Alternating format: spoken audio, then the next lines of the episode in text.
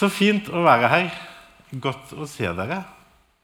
De siste åtte åra har jeg ofte kommet på Eller ikke ofte. Jeg har vært her kanskje en gang eller to i året. Men eh, når jeg har hatt fri som pastor der jeg jobber i Askim, så har jeg satt meg liksom på bakerste rad og har sittet og sett på bakhodene deres.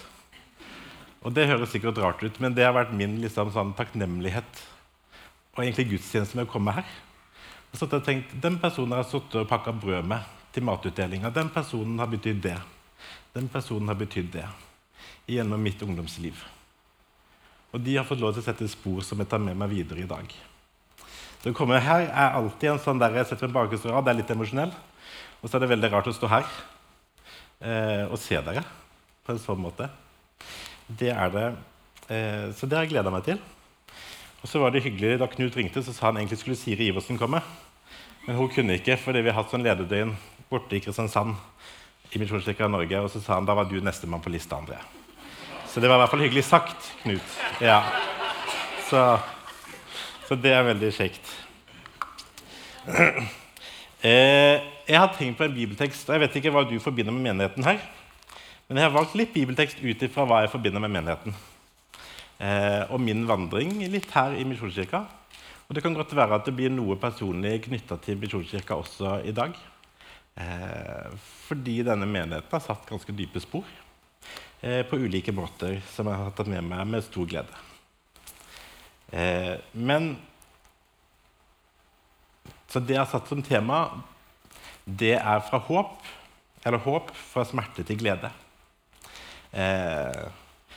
Og det er kanskje det når jeg tenker tilbake på livet her i menigheten, så er det at gjennom ulike perioder så er arbeidet her vært med å kunne peke fra sorg eller fra motgang og til glede de kunne tegne et sånn håp for livet framover. Det er den arven jeg sitter igjen med etter å ha gått her i min ungdomstid. Um, og så tenkte jeg å gjøre det ut ifra en tekst i Bibelen i dag og snakke om den teksten. Eh, og Det er Jesus som er på en vandring, eller to menn som er på en vandring, og Jesus som slår følge med disse to mennene og begynner å prate med dem. Eller i hvert fall En av dem er mann, den andre vet ikke så mye om. Men Jesus møter to menn, kan, eller to disipler, og han vandrer sammen med dem. Eh, og disse to får sine liv snudd ganske på hodet i løpet av en liten vandring. Det er så radikalt, det som skjer, at de, det begynner å brenne i hjertene deres. De blir så glade. Men det var ikke starten på den historien deres. Og Når jeg leser den teksten leser, som Lukas har skrevet i Lukas kapittel 24, så leser jeg en tekst der jeg opplever at han skriver så elegant og så vakkert at man kan leve seg inn i teksten og bytte seg sjøl ut med disse to disiplene og se for seg at ja, dette er også en måte Jesus kan møte meg. Og dette er også en måte jeg kan få lov til å være en utsending for Jesus. Og vandre sammen med andre mennesker på deres reise, i deres liv. Jeg leser teksten. Ja, nå trykka jeg, det var feil, men du har kontroll. Eh, der står det Samme dag var to disipler til en vei, på en vei til en landsby som heter Emmaus, 60 stadier ifra Jerusalem. Og de snakket om alt det som var skjedd. Mens de nå snakket sammen og drøftet dette, kom Jesus selv og slo følge med dem. Men øynene deres ble hindret i å se, så de kjente ham ikke hjem. Han sa da til dem, 'Hva er det dere går og snakker så ivrig om?' De stanset så bedrøvet opp, og den ene, han som het Kleopas, svarte, 'Du må være den eneste i hele Jerusalem som ikke vet hva som er hendt der i disse dager.' Hva da? spurte han. Det med Jesus fra Nasaret, svarte de. Han var en profet mektig i ord og gjerninger for Gud og hele folket. Men våre overprester og rådsherrer utleverte ham og fikk han dømt til døden og korsfestet ham. Og vi som hadde håpet at det var han som skulle befri Israel. Dessuten, i dag er det all tredje dagen siden dette hendte, og nå har også noen kvinner blant oss gjort oss forvirret. De gikk ut til graven tidlig i dag morges, men de fant ikke kroppen hans. De kom tilbake og fortalte alt det de hadde sett, at de hadde sett et syn av engler som sa at han lever. Noen av våre gikk da til graven, og de fant det slik som kvinnen hadde sagt det. Men ham selv så de ikke. Da sa han til dem, så uforstandige dere er, og så trege til å tro alt det profeten har sagt. Måtte ikke Messias lide dette og så gå inn til sin herlighet? Og han begynte å utlegge for dem det som står om han i alle skriftene, helt fra Moses av og hos alle profetene. De nærmet seg nå landsbyen de skulle til, og han lot som han ville dra videre. Men de ba ham inntrengende, 'Bli hos oss, det lir mot kveld, og dagen heller.' Da gikk han med inn og ble hos dem, og mens han satt i bords med dem, tok han brød, ba takkebønn, brøt og ga dem. Da ble øynene deres åpnet.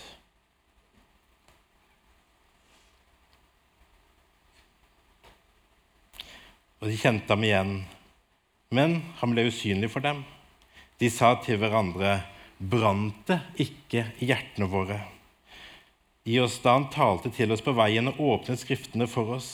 Og de brøt opp med en gang og vendte tilbake til Jerusalem. Der fant de alle de elleve vennene deres samlet. Og disse sa, Herren er virkelig stått opp og har vist seg for Simon. Så fortalte de to om det som hadde hendt på veien, og hvordan de hadde kjent ham igjen da han brøt brødet. Jeg ber en bønn. Takk, himmelske Far, for ditt ord. Takk for det verk som du har gjort for oss, Jesus, og takk for det at du er oppstandelsen og livet. Og du skaper liv i oss slik du skapte liv i disse disiplene. Og du rører i våre hjerter. Tale til oss. Amen.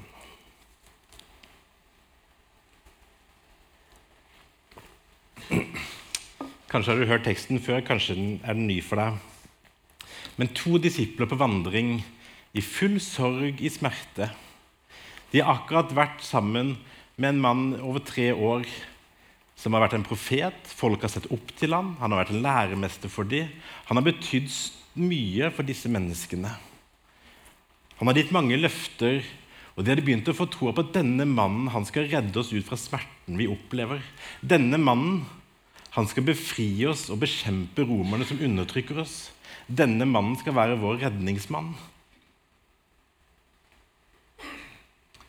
Og så har det gått fra det til at plutselig så har romerne korsfesta denne mannen som de så til som sin redningsmann. Han som skulle komme og redde de og befri de, Han var plutselig blitt tatt av romerne, korsfesta og drept. Han som hadde skapt håp i de, Plutselig så sto de der forlatt. Med alt det de hadde, håpet de hadde om hvordan ting skulle være. Plutselig så gikk de der bedrøva sammen på veien mot Jerusalem.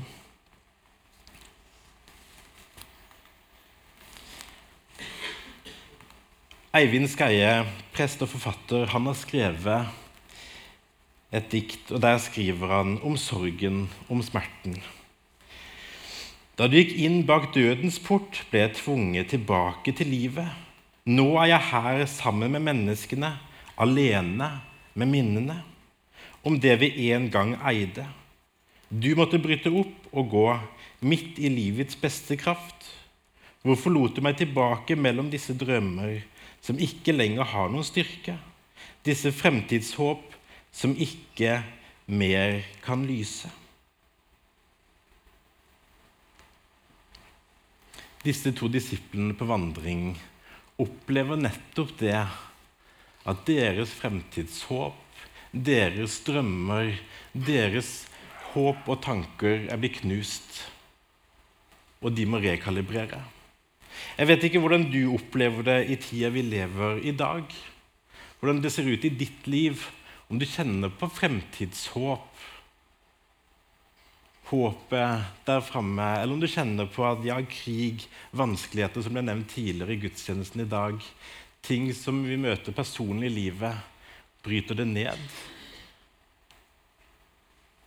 Eller hvordan ser egentlig fremtidshåpet ut?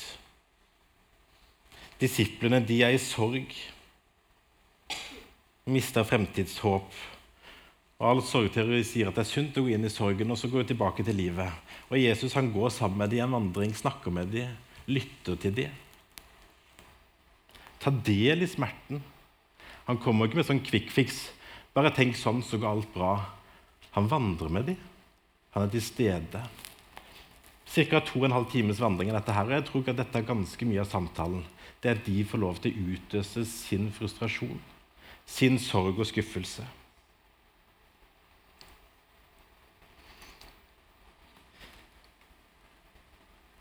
Det er mange historier jeg kunne dratt fram fra eget liv, men akkurat i Misjonskirka her i Grimstad så tenkte jeg jeg ville heller ta litt fra ungdomstida.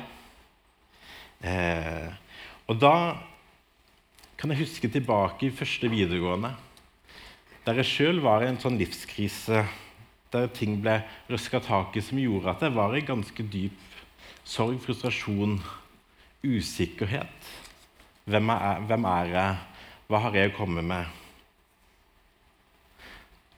Og så kan jeg huske seks stykker fra ungdomsarbeidet som var mine ledere på den tida. De hadde invitert meg inn i styret, så jeg fikk lov til å sitte i styret det første året der. Tror jeg aldri jeg sa noen ting. Jeg bare var der. Og når styreleder Marit Øksendal spurte ja, hva tenker du, andre? nei, jeg vet ikke. Det var det de fikk ut det året der. Det er i hvert fall sånn jeg husker det. Eh, og så tenker jeg, men De tok meg inn der. Så fikk jeg lov til å være med i det miljøet, og det satte dype spor i meg. Jeg vet ikke, Det kan godt være at de måtte ofre litt for akkurat det. Fordi ikke de hadde den som ga på samme måte og ga responsen. Men det begynte å forme meg å bli sett og møtt på den måten der. Som den stille, beskjedne, redde ungdommen.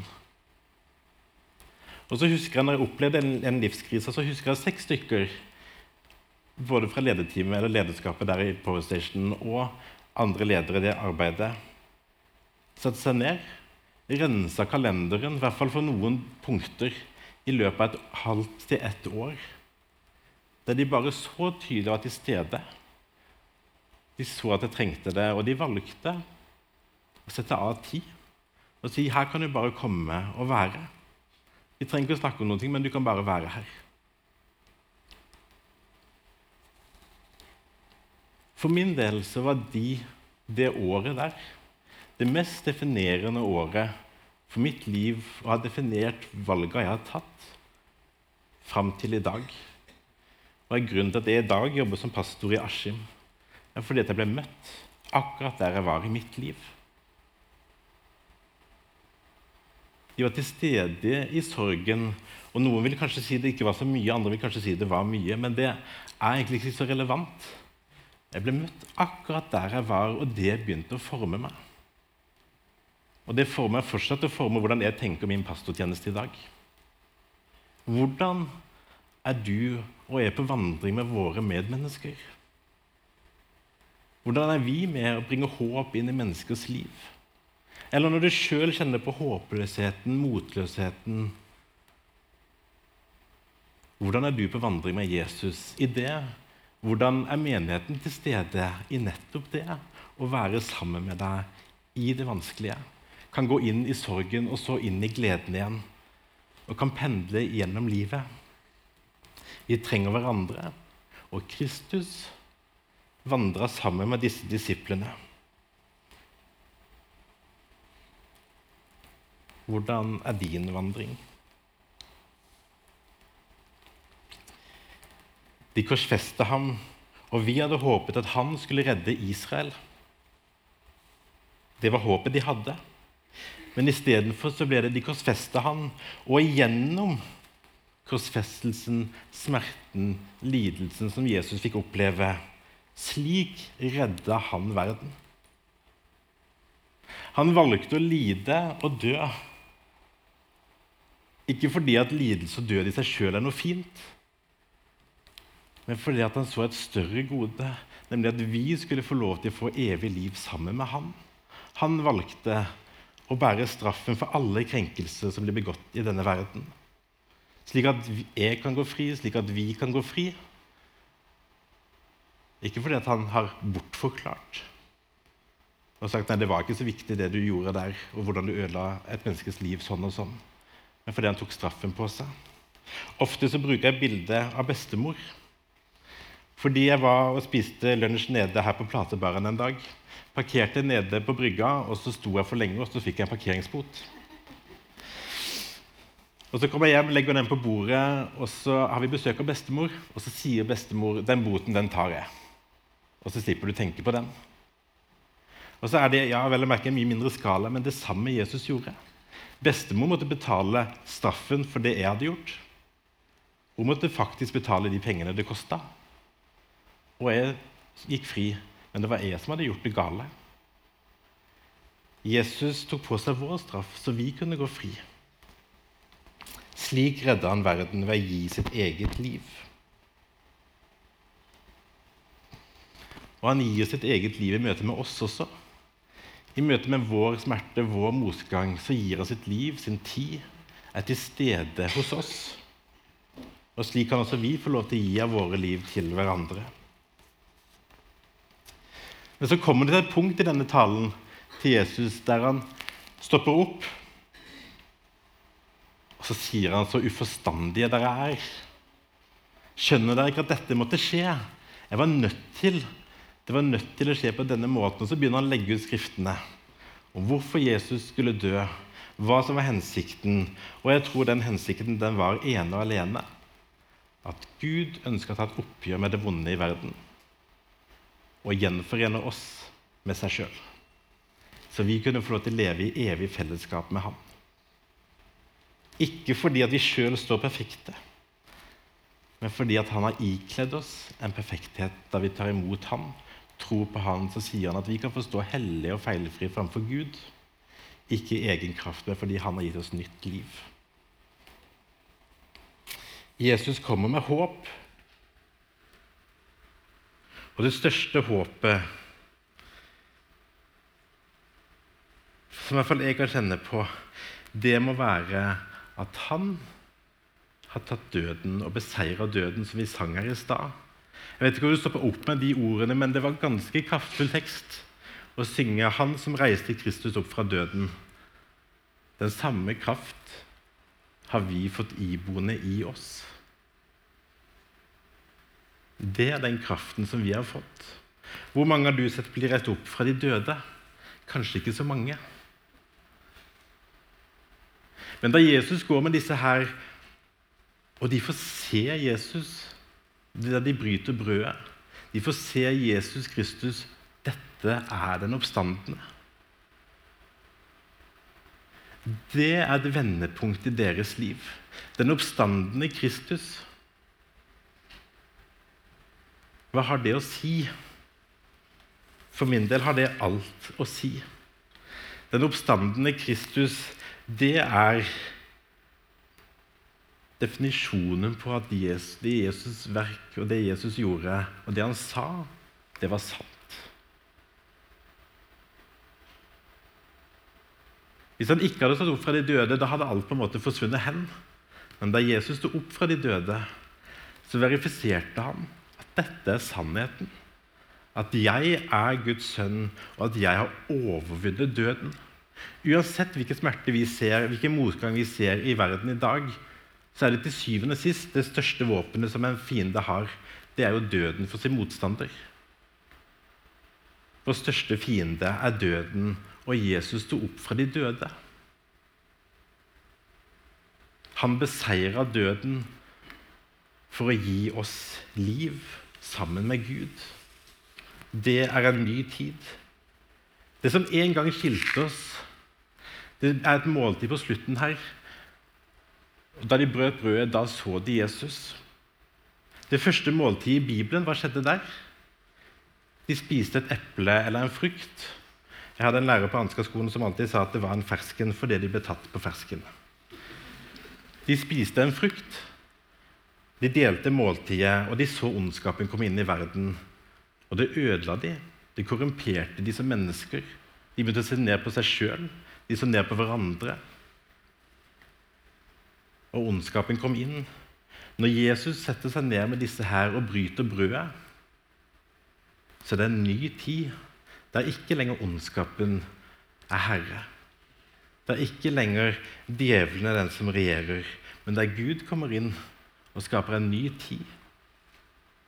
Med liv, med glede, en invitasjon du er ønska og elska. Dette er et oppgjør med synden. Prisen er betalt, og du er invitert til frihet, til glede, til håp. Og vi kan få lov til å ha en fremtidstro på det der framme.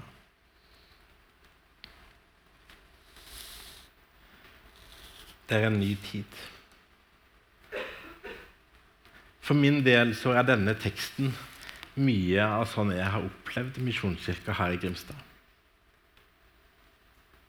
At dette blir levd ut, og ble levd ut av mennesker som har fått oppleve å være sammen med Jesus i sine liv, og som har gitt det videre. Og Disiplene de slutter med at de løper ut for å fortelle om det de har opplevd. Brant ikke hjertene våre da vi så at det var Jesus da han brøt brødet? Brant ikke hjertet vårt da dette nye livet fikk spire fram? Og det var starten på et liv der de løp ut i tjeneste for Gud. Der de gikk ut og forkynte Jesus Kristus. Vi har tema, eller Tro sender plante er Misjonskirka sitt motto nå, eller visjon. Og vi ønsker å se mennesker komme til tro. Vi ønsker å plante nye menigheter i Norge og internasjonalt. Og vi ønsker å sende ut medarbeidere. Den eneste kraften for å gjøre det er den oppstandende Kristus. Han som lever han som gir nytt liv, nytt mot, fremtidstro. Ja, fordi vi kan møte mye motstand her og nå, og det er reelt. Men samtidig er det et håp der framme om at det kan være vanskelig nå. Men gleden hos Kristus, gleden i det evige livet med Gud, fellesskapet med Han, er så mye større at prøvelsen her blir ingenting sammenligna med det. Og Når det blir levende for oss, da disse disiplene så Kristus og kjente og opplevde at dette betyr faktisk håp og liv, så tror jeg det gjør noe med oss. Da er vi sendt til våre nabolag, til landet og til verden med evangeliet om den levende Kristus. Vil du ta med ditt evangelie, din historie, din reise, i møte med dine medmennesker, de du har rundt deg? Og så kan du få lov til å være på en vandring sammen med mennesker. For det er en livsvandring der vi sjøl er på vandring sammen med Jesus, og der vi får lov til å følge andre mennesker. Noen som tror, noen som kanskje ikke tror, men som ønsker å lære mer. Og så kan vi være på vandring med mennesker og lytte, og samtidig peke på Jesus og det han har gjort, og livet i ham. Takk, himmelske Far, for det at du er til stede her midt iblant oss. Takk for at du kommer med liv. Takk for at du kommer med håp i mye håpløshet. Herre, se til hver enkelt av oss. Og du rører i våre liv. Og du utruster oss til å være til stede i andre menneskers liv. Takk for det at du er på vandring med oss, og du møter oss der vi er i våre liv. Hjelp oss å se at du er med oss i vår hverdag. Amen.